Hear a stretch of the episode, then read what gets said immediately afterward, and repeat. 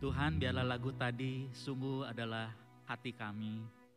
Kami rindu Engkau yang sudah mengasihi kami. Kami pun belajar mengasihi Engkau dalam seumur hidup kami.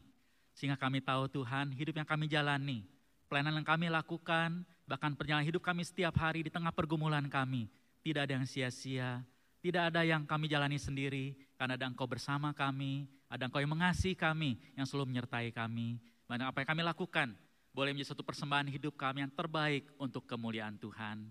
Bimbing kami masing-masing Tuhan dalam anugerah-Mu, mengenal Engkau lebih dalam, mengenal lebih dalam akan kasih-Mu, dan kami makin bertumbuh, makin mengasihi Engkau lebih dalam. Tuhan saat yang mau belajar juga akan firman-Mu, kira Tuhan menolong setiap kami.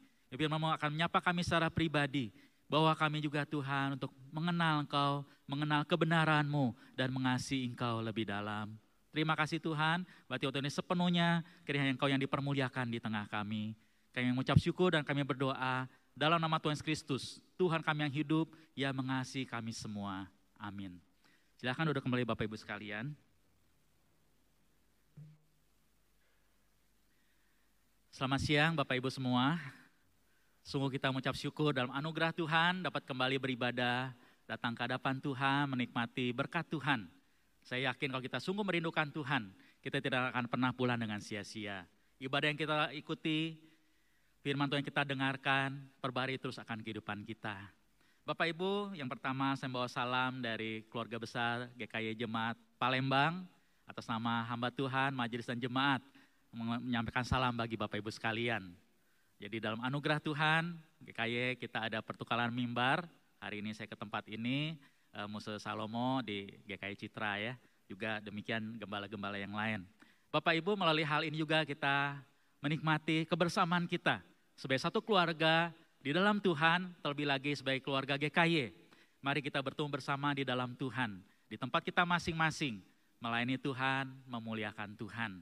Bapak Ibu, tema yang berikan pada saya hari ini ada satu tema yang penting buat kita boleh renungkan bersama, itu tentang penghakiman terakhir. Satu tema yang penting buat kita, tapi mungkin bagi sebagian kita menakutkan. Kalau namanya penghakiman itu sudah dengarnya juga sudah nggak enak gitu ya, udah menakutkan. Tapi itu sesuatu yang serius, yang penting harus kita tahu karena itu sangat penting untuk masa depan kita. Penghakiman terakhir yang akan Tuhan berikan dalam kehidupan kita, di mana kita akan berada.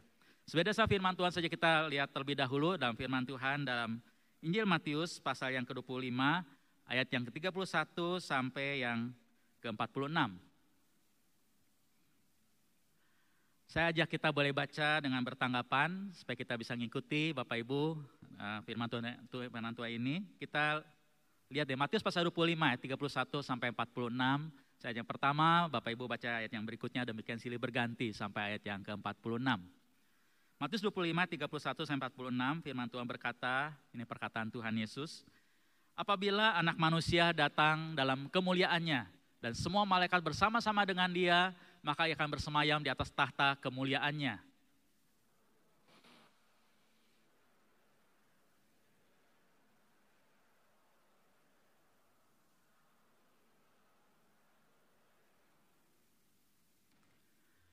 Dan ia akan menempatkan domba-domba di sebelah kanannya dan kambing-kambing di sebelah kirinya.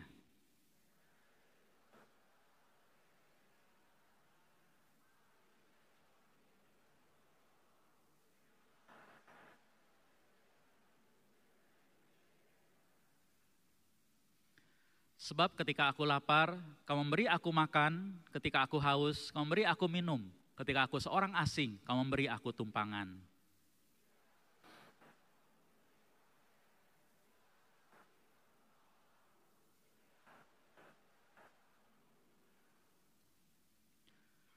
Maka orang-orang benar itu akan menjawab dia katanya, Tuhan, bila manakah kami melihat engkau lapar dan kami memberi engkau makan, atau haus dan kami memberi engkau minum?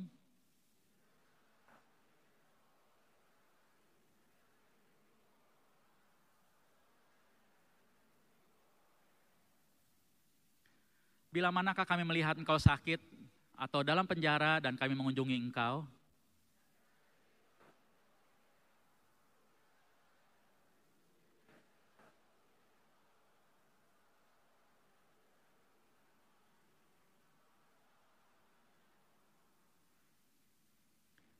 Dan ia akan berkata juga kepada mereka yang di sebelah kirinya, Nyala dari hadapanku, hai kamu orang-orang terkutuk, nyala ke dalam api yang kekal yang telah sedia untuk iblis dan malaikat-malaikatnya.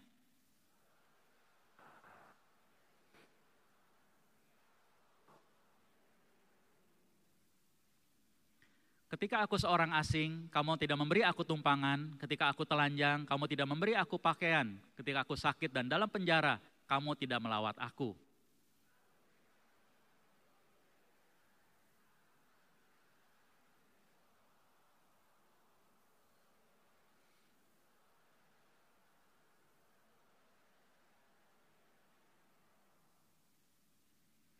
Maka ia akan menjawab mereka, aku berkata kepadamu, sesungguhnya segala sesuatu yang tidak kamu lakukan untuk salah seorang dari yang paling hina ini, kamu tidak melakukannya juga untuk aku.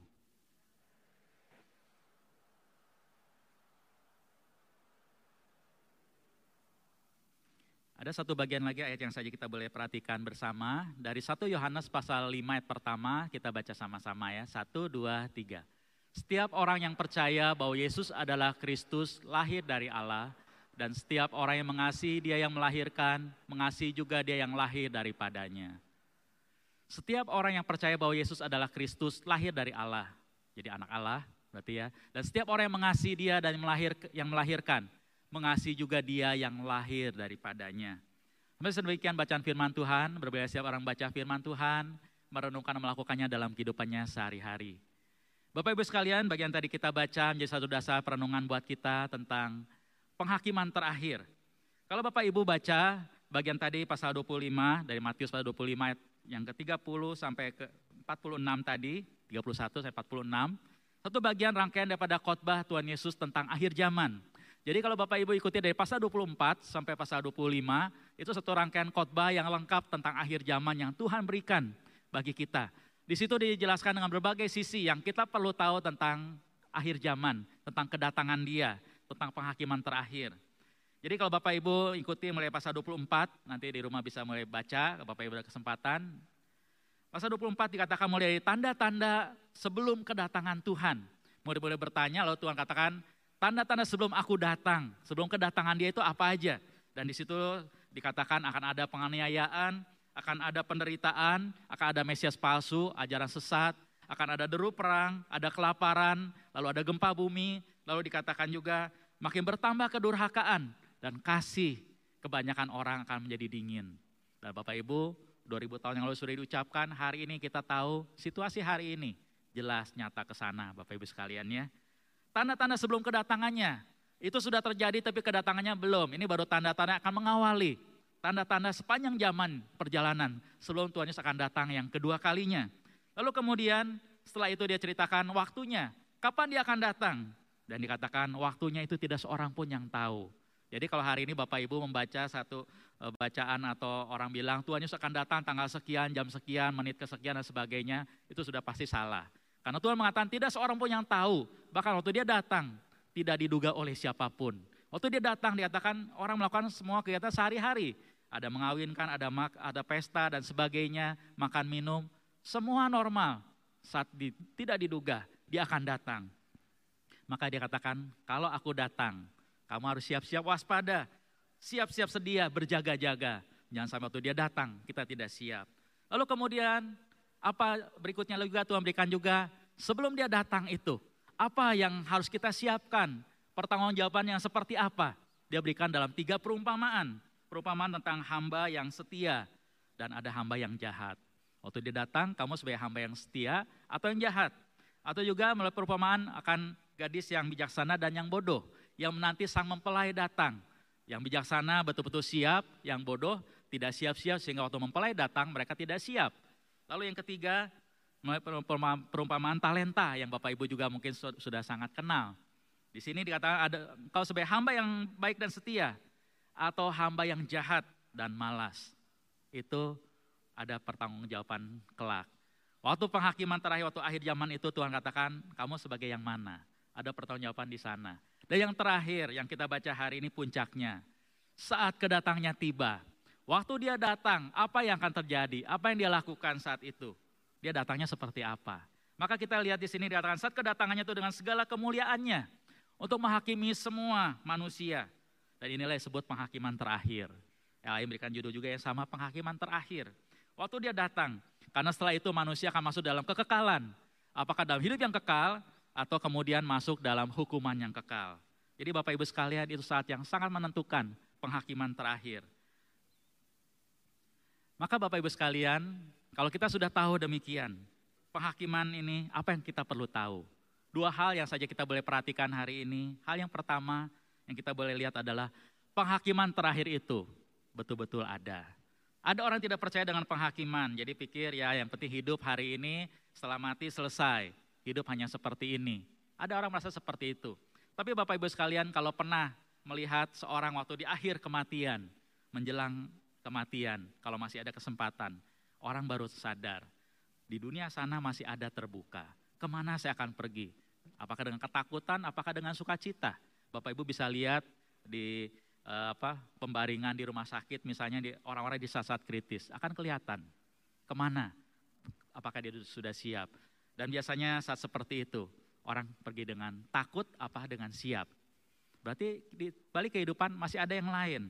Atau Bapak Ibu juga kita mungkin sering dengar juga ada orang yang pernah mati suri atau yang meninggal lalu hidup lagi gitu ya. Tapi biasanya sebentar kan meninggalnya ya. Enggak nunggu lama. Meninggal berapa waktu lalu dia hidup kembali.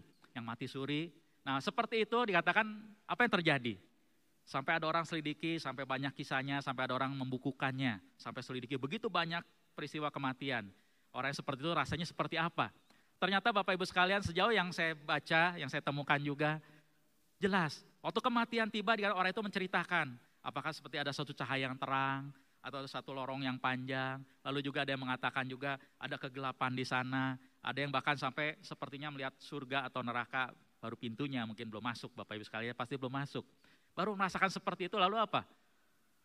Terjadi, dikatakan waktu dia sadar kembali, dia menceritakan itu.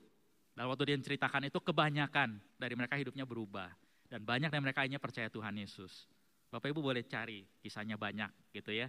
Nah, tapi Bapak Ibu bisa lihat juga sejauh yang saya ngerti, sejauh yang saya baca, seingat saya entah kalau Bapak Ibu pernah temukan, ada nggak orang yang waktu mati hidup kembali dia cerita, oh ternyata mati nggak ada apa-apa loh, jadi kita hidup seenaknya tenang-tenang. Ya mungkin dia itu agak unik gitu ya, setahu saya nggak ada yang seperti itu.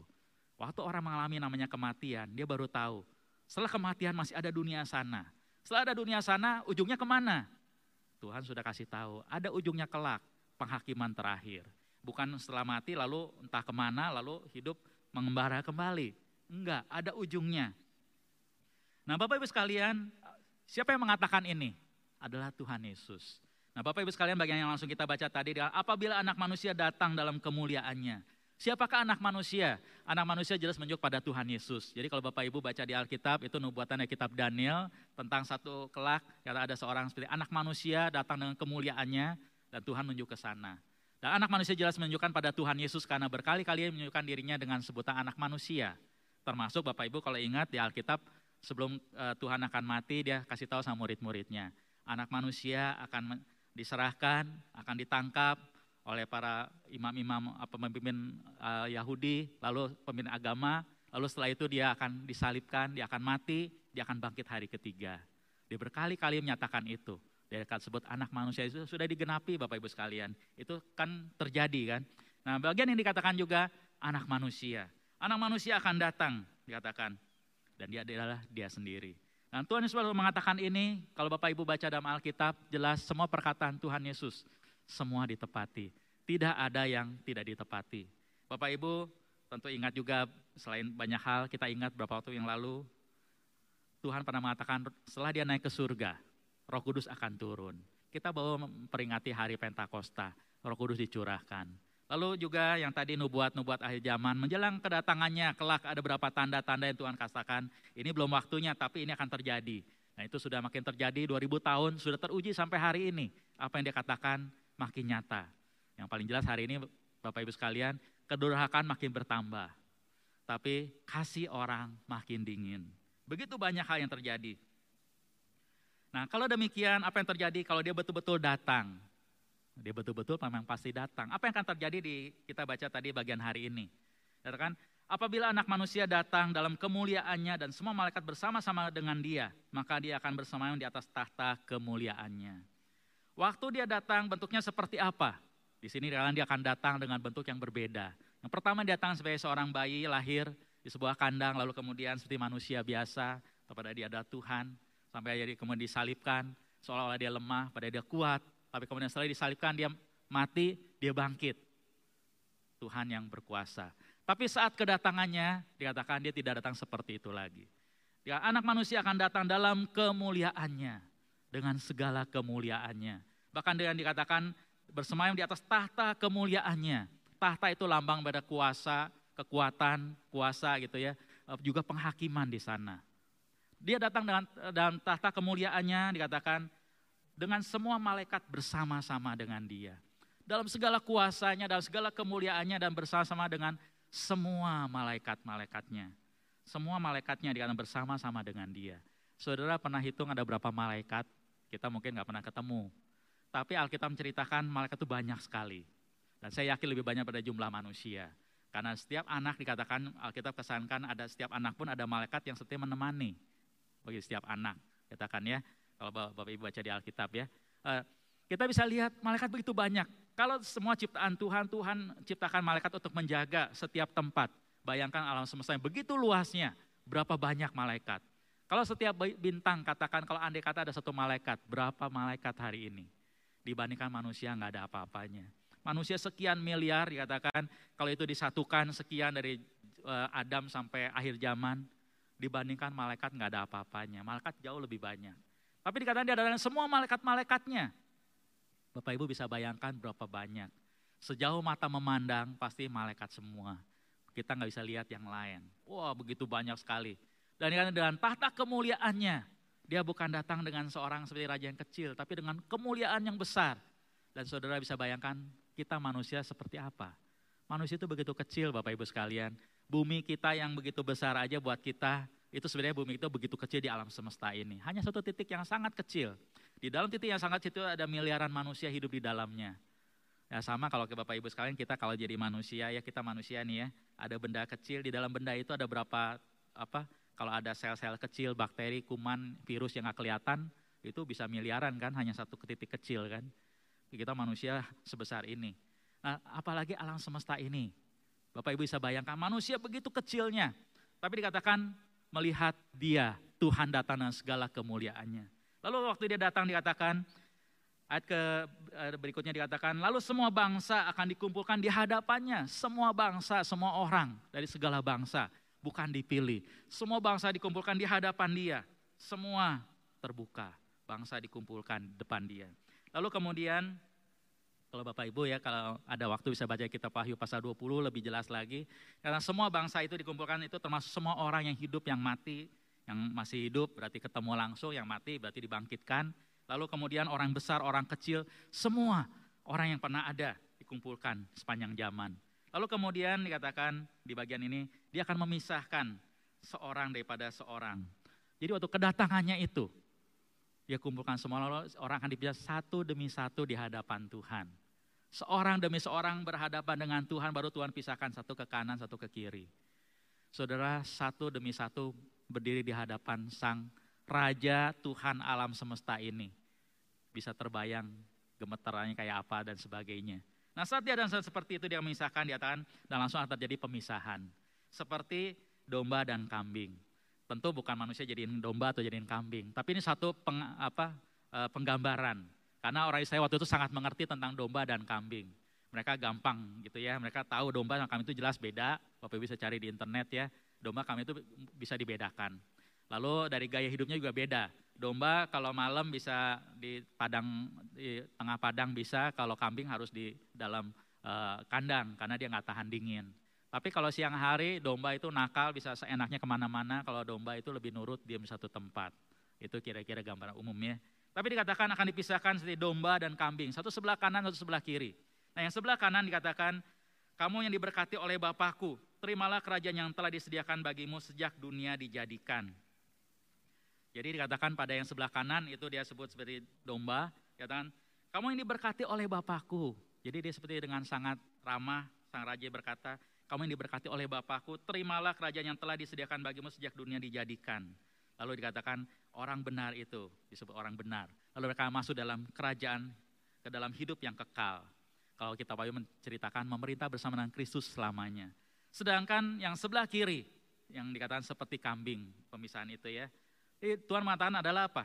Nyala dari hadapanku, hai kamu orang-orang terkutuk. Nyala di dalam api yang kekal, yang telah disediakan untuk iblis dan malaikat-malaikatnya.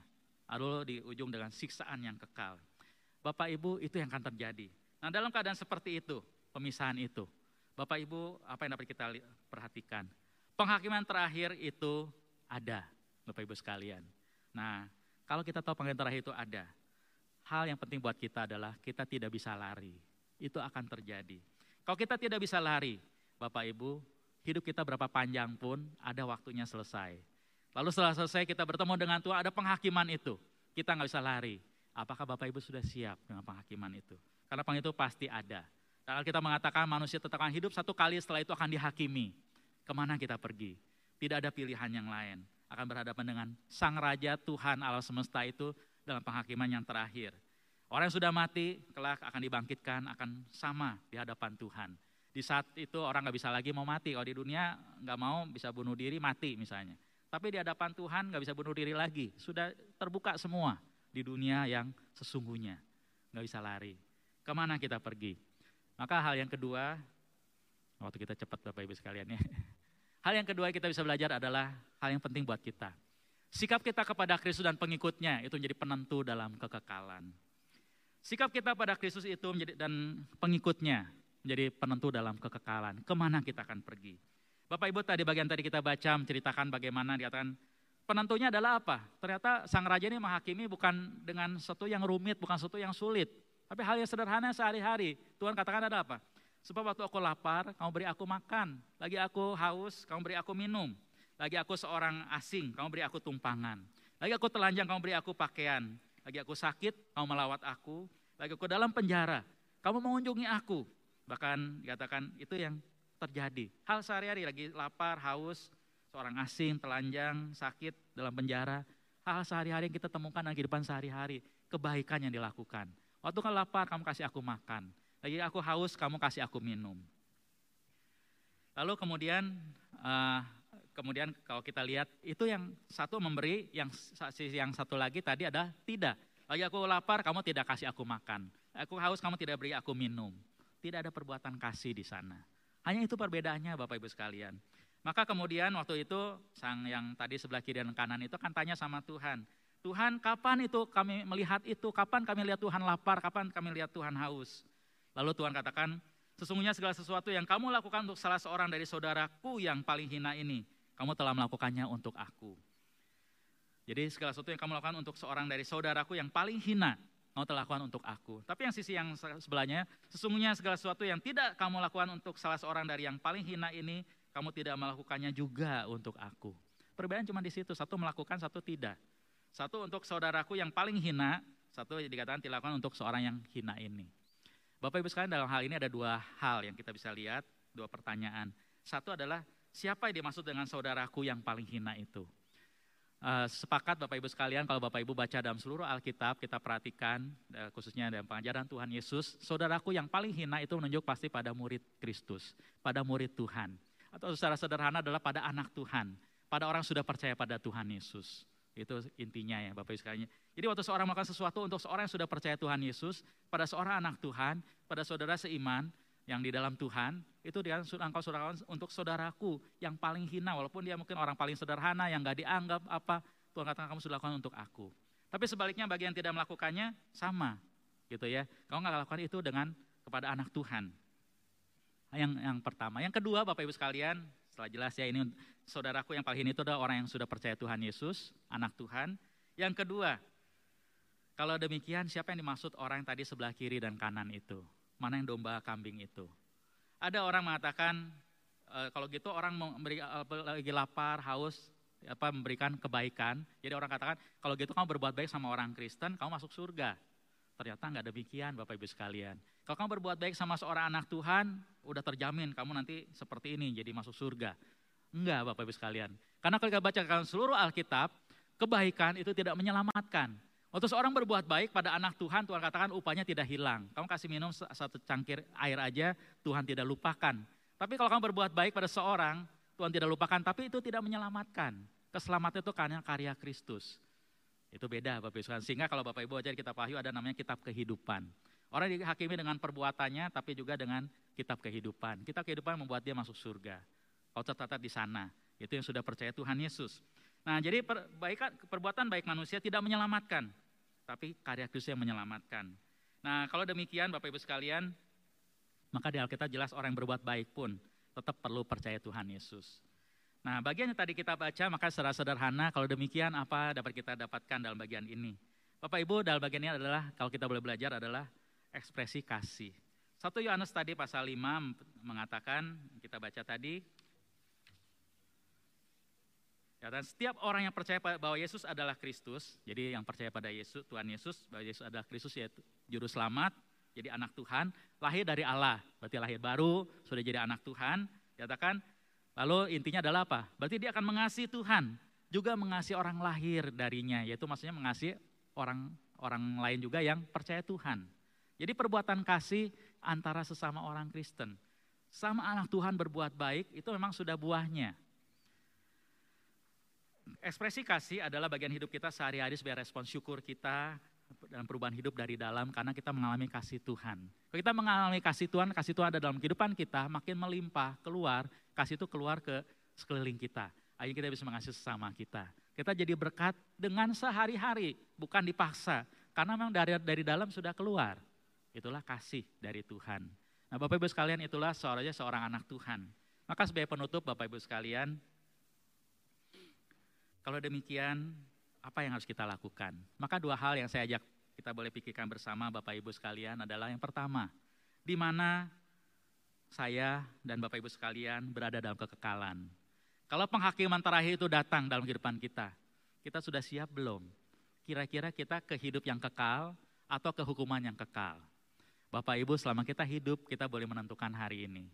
Saudara memilih, kalau kita percaya Tuhan Yesus, Tuhan katakan, itu sudah terjamin kita selamat. Dosa kita diampuni, ditebus di atas kayu salib, Tuhan selamatkan kita. Kita bertemu dengan Tuhan, tidak lagi dengan ketakutan. Tapi kalau kita belum di dalam Tuhan, Bapak Ibu boleh mulai pikirkan. Waktu kematian datang, itu belum selesai. Kita akan ke dunia selanjutnya, ke menanti, ke penghakiman itu. Kalau kita sudah sungguh-sungguh siap. Yang terakhir Bapak Ibu sekalian, kalau demikian bagaimana kalau saya sudah percaya Tuhan Yesus, saya hidup hari ini. Penghakiman kan tetap ada. Bagaimana saya hidup hari ini? Nah saya rindu Bapak Ibu sekalian kalau kita boleh belajar dari bagian ini. Kalau kita tahu Tuhan begitu mengasihi kita, makin kita kenal betapa Tuhan baik sama kita, kita harusnya makin berterima kasih sama Tuhan, betul nggak? Makin kita berterima kasih sama Tuhan, akan muncul kasih kita kepada Tuhan makin dalam. Kalau kita makin mengasihi Tuhan, eh, kita katakan dalam kasih tidak ada ketakutan. Kita ketemu Tuhan takut nggak? Enggak, makin senang, makin pengen ketemu Tuhan. Makanya orang yang mengenal Tuhan dengan sangat dekat, kematian tidak menakutkan lagi, dia rindu bertemu dengan Tuhan. Saya kenal seorang jemaat waktu umur 80 tahun lebih, dia bilang saya udah dikasih bonus 80 tahun, malah lebih lagi. Dia berdoa malah, kapan ya Tuhan panggil saya, udah pengen ketemu Tuhan. Dia merasa hidup sudah cukup dalam dunia, ada orang seperti itu. Tapi dia tidak pergi, pergi tidak dengan ketakutan, karena dia punya keyakinan, dia sudah kenal Tuhan. Nah Bapak Ibu sekalian, Bagaimana kita jalan kehidupan kita, yang saya ajak kita boleh lihat secara singkat adalah, mari kalau kita sudah mengenal Tuhan, kita hidup mengasihi Tuhan. Lalu ekspresi kita juga mulai kasih kita pada sesama kita. Karena itu satu buah sehari-hari, tidak terpaksa. Hidup yang mengalir, di tengah pergumulan hidup kita, kita jadi berkat buat orang lain. Di tengah pergumulan hidup kita, kita tetap bisa jadi berkat buat orang lain, kita akan kasih Tuhan. Sehingga orang bisa mengenal Tuhan, mengenal kebaikan Tuhan. Maka Bapak Ibu sekalian, sebagai penutup buat kita, biarlah kita ingat kembali ketika anak manusia itu, ketika Tuhan Yesus datang dengan segala kemuliaan dan semua malaikatnya, dia datang dan segala kemuliaannya. Dia kalau Bapak Ibu sekalian engkau mengasihi dia, kira-kira takutkah ketika dia datang? Saya yakin harusnya enggak. Ada rasa penuh haru, penuh hormat, penuh penyembahan, penuh syukur. Saya datang, Tuhan datang, eh, saya ketemu Tuhan. Di dalam penghakiman terakhir itu, tidak ada lagi ketakutan. Karena apa? Yang menghakimi kita adalah Tuhan Yesus. Tuhan yang sudah menebus dosa kita, sudah mati menebus dosa kita, sekarang dia menjadi hakim. Dia menghakimi kita. Dosa kita sudah ditanggung oleh dia. Malah kita ketemu dengan dia dan penuh apa? penuh syukur Tuhan terima kasih saya bisa ketemu engkau muka dengan muka, engkau sudah menebus hidupku, aku, engkau sudah menyalakan hidupku, hidupku berharga. Sekarang aku bisa ketemu muka dengan muka mengucapkan terima kasih, ucapan syukur kepada Tuhan. Ketemu dengan Tuhan yang begitu mengasihi kita. Itu seharusnya ekspresi dalam kehidupan kita. Nah Bapak Ibu sekalian maka penghakiman terakhir itu tidak lagi menakutkan.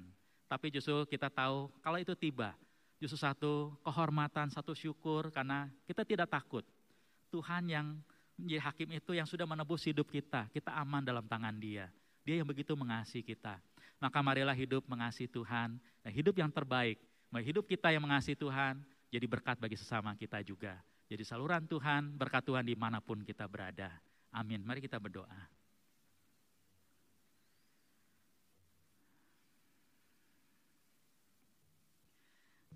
Bapak, biarlah firman-Mu yang sudah kami renungkan, boleh ingatkan kami kembali Tuhan, hidup kami dalam dunia singkat. Setelah selesai dalam dunia, kami tahu masih ada kelanjutannya, di mana kami menanti penghakiman terakhir yang akan Tuhan tetapkan bagi setiap manusia tanpa kecuali, termasuk setiap kami di tempat ini. Maka Tuhan, tolong setiap kami boleh menyiapkan hati kami. Sebelum saatnya tiba, Tuhan tolong kami boleh mengenal Tuhan sebagai Tuhan dan Juru Selamat kami pribadi.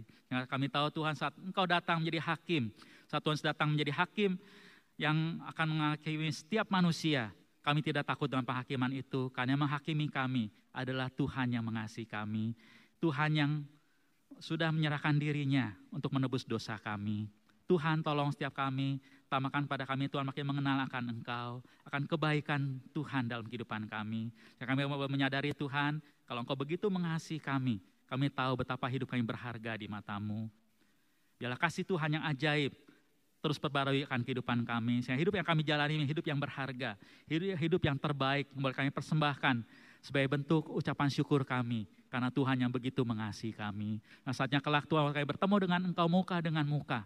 Dan penuh hormat, penuh syukur, dan penuh terima kasih. Kami bisa bertemu dengan Tuhan penebus kami yang mengasihi kami dan menyelamatkan kami. Tuhan tolong setiap kami masing-masing.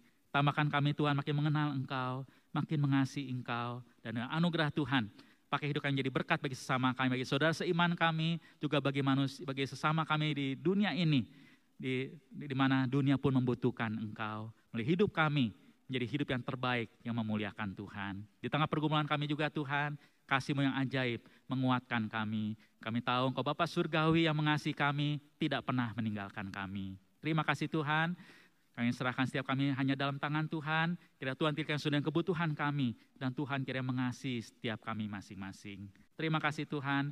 Kami bersyukur, kami berdoa dalam nama Tuhan Kristus. Tuhan kami yang hidup, yang mengasihi kami dengan ajaib. Kami mengucap syukur dan kami berdoa. Amin.